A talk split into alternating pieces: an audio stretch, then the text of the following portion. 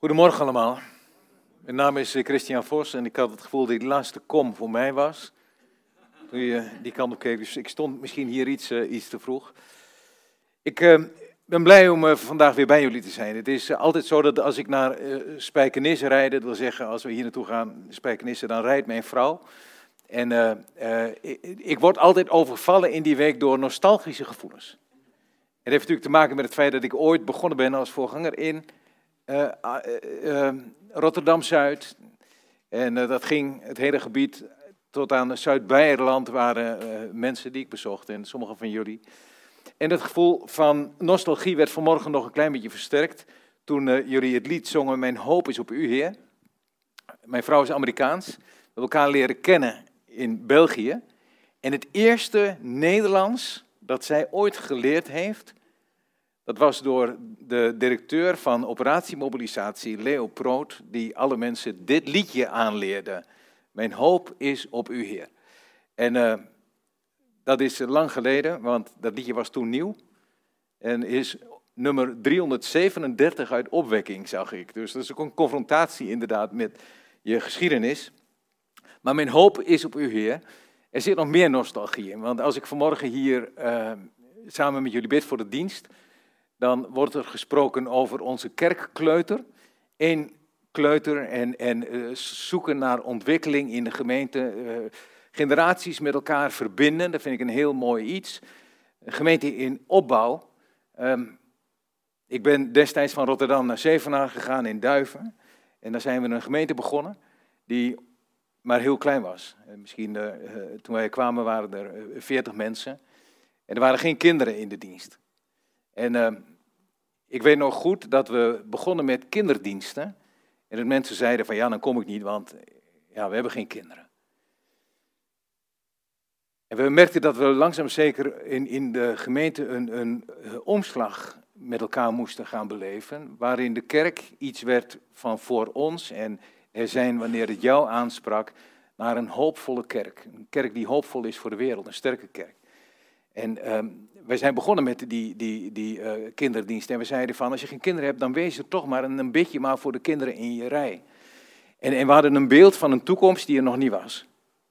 Want wij waren een kerk met vooral mensen die gezetteld waren in uh, kerkelijk denken. En uh, het is een hoopvol verhaal, zei ik al, want ik ben inmiddels 25 jaar lang voorganger van dezelfde gemeente. En het is heel bijzonder hoe de gemeente zich door de jaren heen ontwikkeld heeft en hoe de gemeente gegroeid is. En we zitten in een uiterst seculiere streek. Um, vergeleken bij de Liemers, waar wij kerk zijn, is Spijkenisse de Bijbelbelt.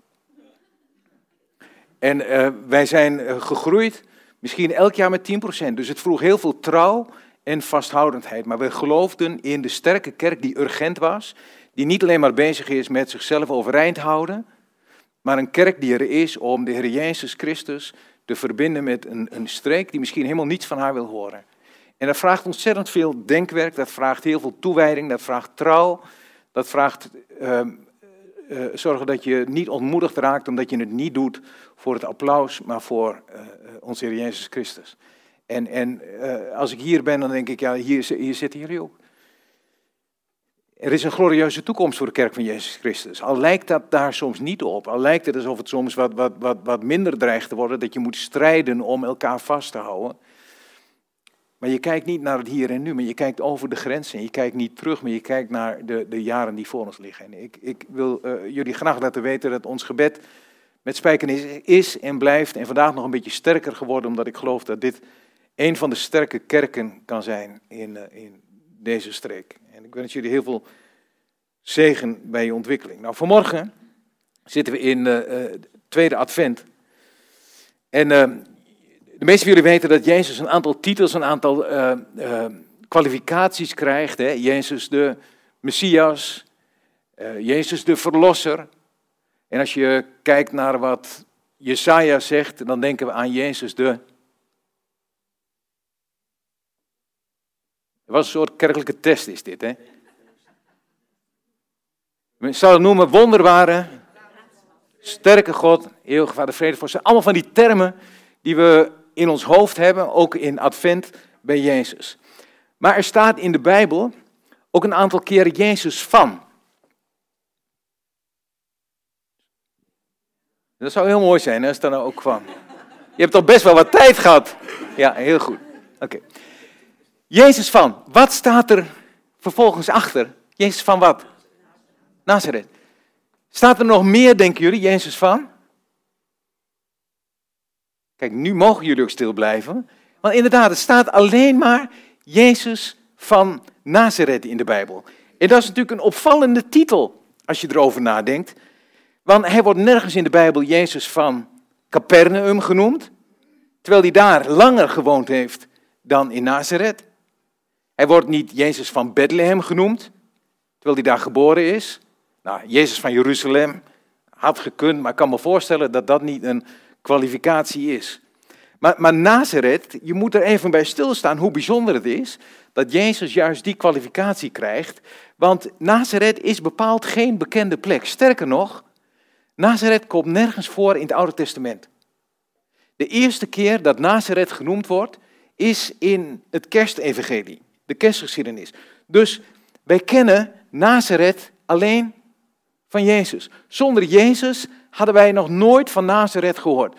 Moet je Nazareth googlen en dan nieuws om te kijken van wat daar gebeurt. Google op nieuws, hè, kun je, kun je... Niets, er gebeurt niets. Het is dus eigenlijk niet Jezus van Nazareth, maar het is Nazareth van Jezus. Want zonder Jezus had niemand ooit van Nazareth gehoord. En dat klopt ook wel, want archeologisch onderzoek heeft aangetoond dat in de tijd dat Jezus op aarde was, ze hebben een begraafplaats ongeveer uit die, eh, ongeveer uit die tijd eh, ontdekt en blootgelegd. En daaruit blijkt dat Nazareth in de tijd dat Jezus er opgroeide, misschien maar uit 400 mensen bestond. Dus ja, wij spreken over de stad Nazareth, maar eigenlijk is het gewoon een, een gehucht, een dorp.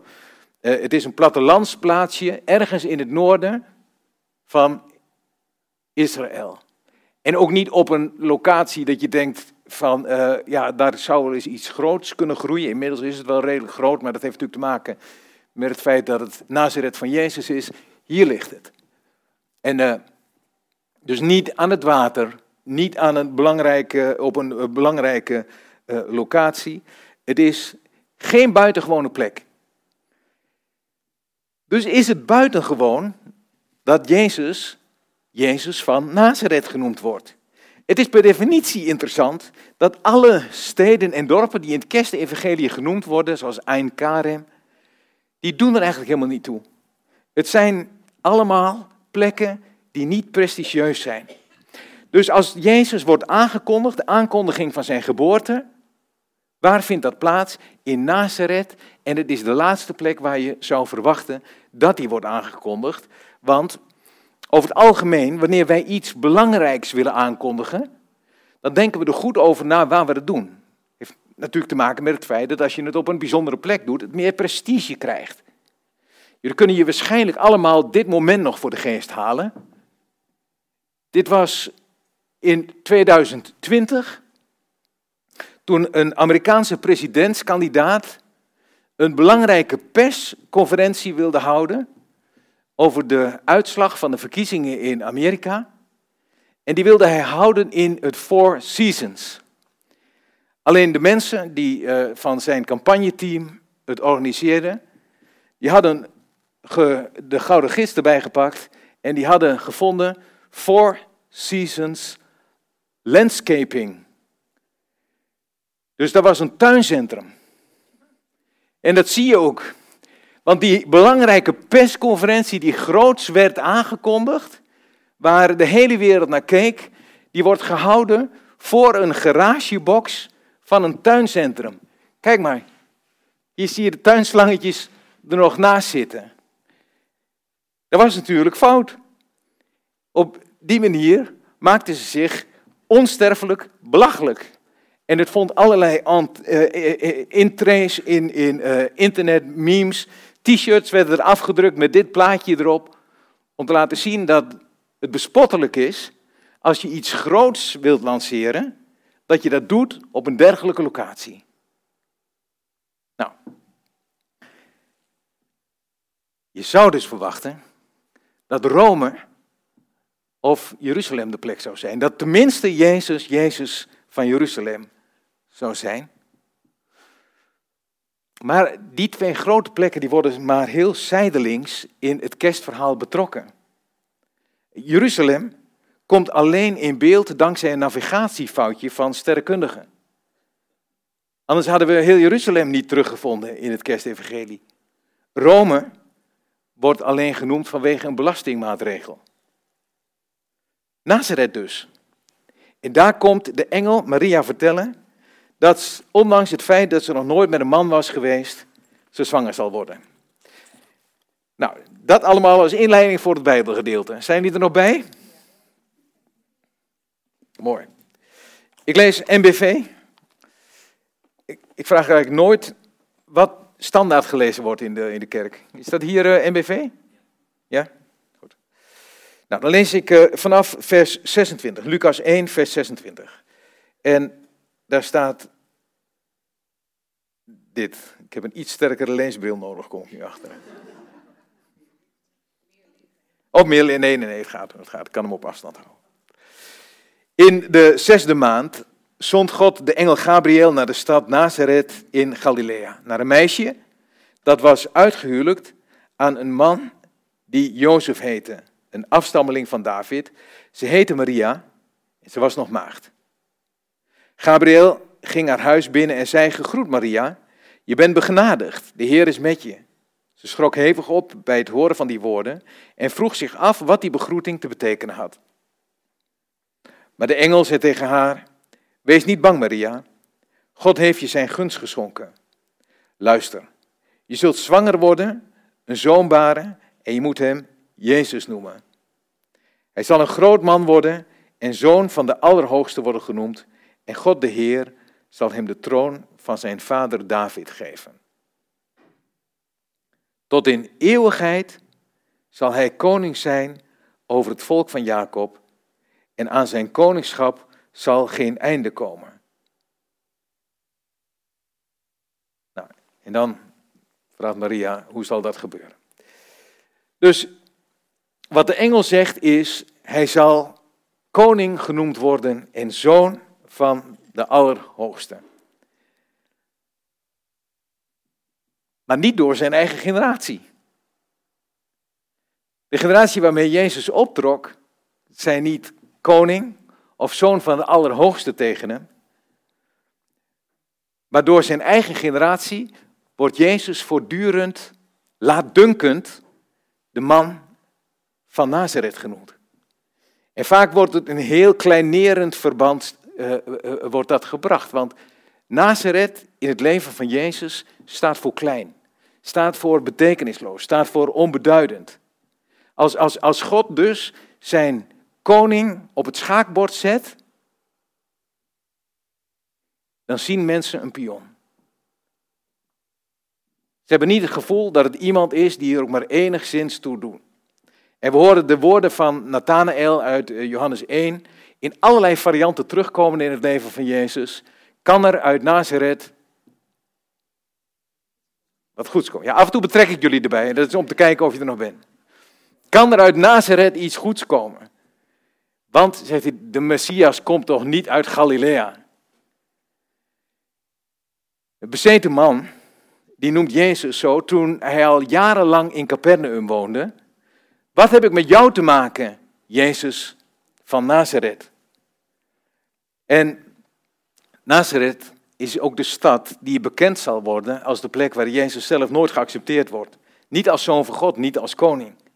En Jezus zegt dat hij er geen wonder kan verrichten vanwege een ongeloof. En wanneer hij voorleest in de synagoge, dan staat er dit. Heb je hem nog? Oh, je hebt, er, je hebt er zelf wat van gemaakt. Hij staat er gewoon in mijn keynote namelijk.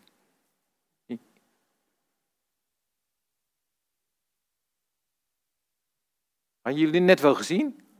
Heel veel werk aan besteed, hè? Kijk, die. Ja, deze. Hij kwam ook in Nazareth, waar hij was opgegroeid. En volgens zijn gewoonte ging hij op de Sabbat naar de synagoge. Toen hij opstond om voor te lezen, werd hem de boekrol van de profeet Jesaja overhandigd. En hij rolde hem af op de plaats waar geschreven staat, de geest van de Heer rust op mij, Want hij heeft mij gezalfd om een arm het goede nieuws te brengen. Hij heeft mij gezonden om aan gevangenen hun vrijlating bekend te maken, aan blinden het herstel van hun zicht, onderdrukt hun vrijheid te geven, om een genadejaar van de Heer uit te roepen. Dat vonden ze nog mooi. Toen rolde hij de boekrol op, gaf hem terug aan de dienaar, ging weer zitten.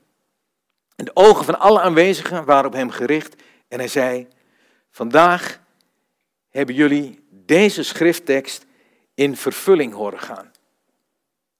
Nou, eerst zijn ze enthousiast als Jezus Isaiah 60 voorleest, maar als hij de woorden uitlegt, worden ze woest.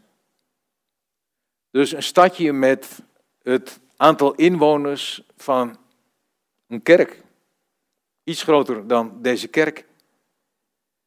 Je snapt het wel, stel dat iemand in ons midden zou zeggen, eh, de woorden van Jesaja, al die titels, die vredevorst, wonderbare raadsman, dat ben ik. Al die titels die slaan op mij. Dan zeg je van, nee, wacht even, je bent gewoon iemand uit Spijkenisse. Je bent gewoon iemand uit Nazareth. Je bent gewoon een van ons. En ze drijven Jezus de synagoge uit om hem de afgrond in te eh, werken en vervolgens te doden. Dus Jezus van Nazareth, de stad waar ze proberen hem van het leven te beroven. Het is niet alleen de stad van het kleineren. Het is de stad waar ze wensen dat hij sterft. Jezus van Nazareth. Het wordt vaker genoemd. Eh, Petrus hoort die term.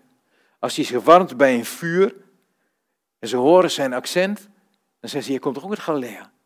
Hoor jij ook niet bij Jezus van Nazareth?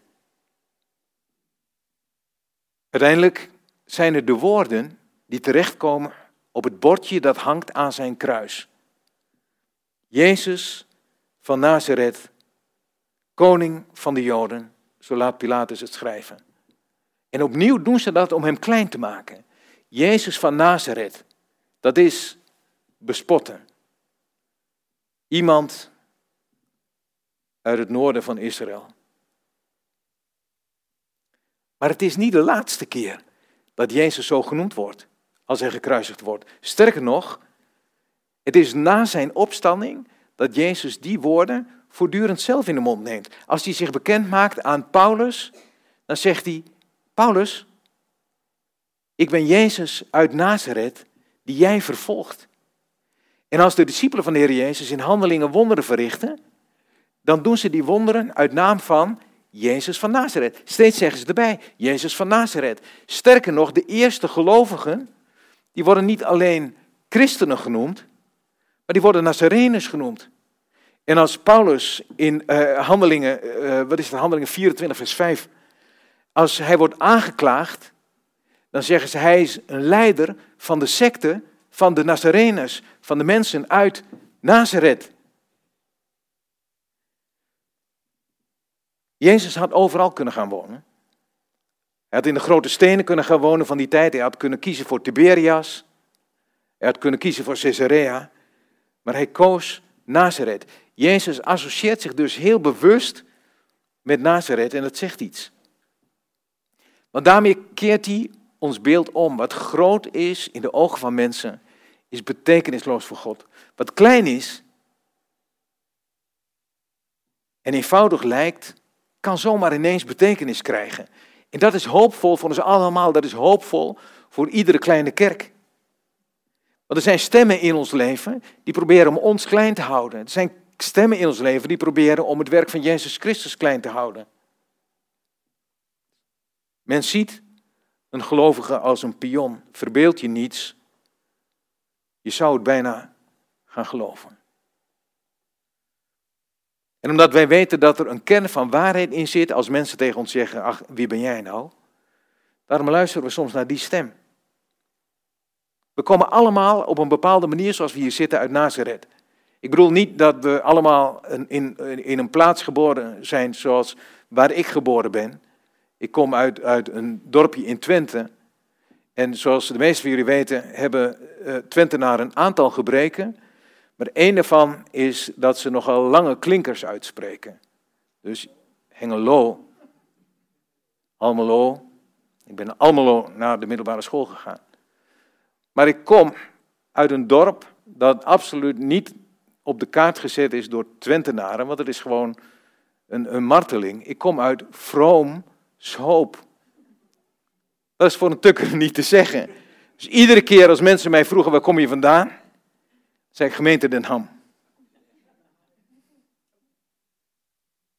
Dus eh, voor mij is, is, is, is letterlijk de plek waar je vandaan komt. Maar voor de meeste van ons zit er iets van Nazareth in, wat niet te maken heeft per se met je geboortegrond, maar misschien met je afkomst, misschien het gezin waar je uitkomt, of met je IQ, of met je uh, geaardheid, of met uh, je, je, je, de, de dingen die je in je leven meegemaakt hebt, wat je een setback geeft waarvan je denkt, um,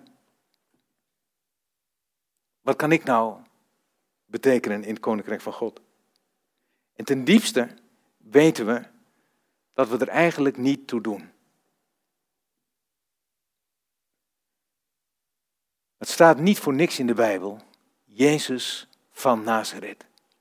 Dus iedere keer dat we die gedachte bij onszelf vinden, dan mogen we haar ontmaskeren. Omdat juist daar de kracht van God zichtbaar kan worden. Niet in ons Jeruzalem, niet in onze Rome, niet in de stukken waarin ik denk dat ik geweldig ben, maar juist in het kleine, onmachtige, onbeduidende, betekenisloze stuk waarvan je zegt, Heer, kunt u hier iets in betekenen? Nazareth is een soort geuzennaam geworden. Het is bedoeld om te vernederen, maar je staat je erop voor. Kijk, niet in eigen kracht, maar in de kracht van God. Jezus is dus koning. Maar hij is ook Jezus van Nazareth. En leer van hem. En volg hem. En blijf geloven in het feit dat God ons kan roepen. Op individueel niveau en als gemeente. Tot hoopvolle instrumenten van zijn vrede. Mag ik samen met jullie bidden? Dus vader, ik wil u danken voor uh, die boodschap die u geeft. Zo eenduidig. En zo prachtig opgebouwd wanneer we uw woord lezen. We kunnen er niet omheen. En Heer, als we kijken naar het land waarin we leven, als we kijken naar verkiezingen die zijn gehouden, dan realiseren we ons dat geloofsaspecten in Nederland zo naar de achtergrond zijn gedreven en zo achter de voordeur plaats moeten vinden, dat we de indruk krijgen dat we werkelijk niets meer kunnen betekenen. Heer, dat we klein worden gemaakt en klein worden gehouden. En dan deze kerst spreekt u die woorden tot ons. En u roept ons tot aanzien, u roept ons tot redding, tot hoop, u roept ons tot uw kracht. En ik wil u daarvoor danken, Heer. En ik wil u danken voor iedereen die hier in de zaal zit. En ik heb vanmorgen gesproken met mensen van uh, uh, 4 tot 86. Heer, en uh, van kinderen zegt u dat zij zelfs uw lof kunnen verkondigen. Dat ze ertoe doen. En van ouderen zegt u dat ze zelfs wanneer ze op leeftijd zijn nog vrucht zullen dragen. En dat wie gelooft nooit met pensioen gaat. Heer, en uh, samen maken wij uw gemeente uit. Qua leeftijd, qua intellect, qua voorkeur, qua loonsopbouw, qua denkstructuren. Uitermate verschillend. Misschien niet zo heel betekenisvol voor deze wereld, ogenschijnlijk. Maar uw zoon is met ons. Het is Jezus van Spijkenisse. En Heer, ik eh, wil u bidden of u met uw kracht in deze gemeente wilt wonen en werken. En dat uw geest komt over ons en van eh, datgene wat klein lijkt, iets groots wil maken. Heer, eh, laat ons nooit u wegmoffelen. Zo bid ik in Jezus' naam. Ik graag de zegen van de Heer mee. De Heer zegent en hij zorgt voor je. God ziet je, maar is je genadig. God zal je beschermen en hij schenkt je zijn vrede. Shalom. Amen.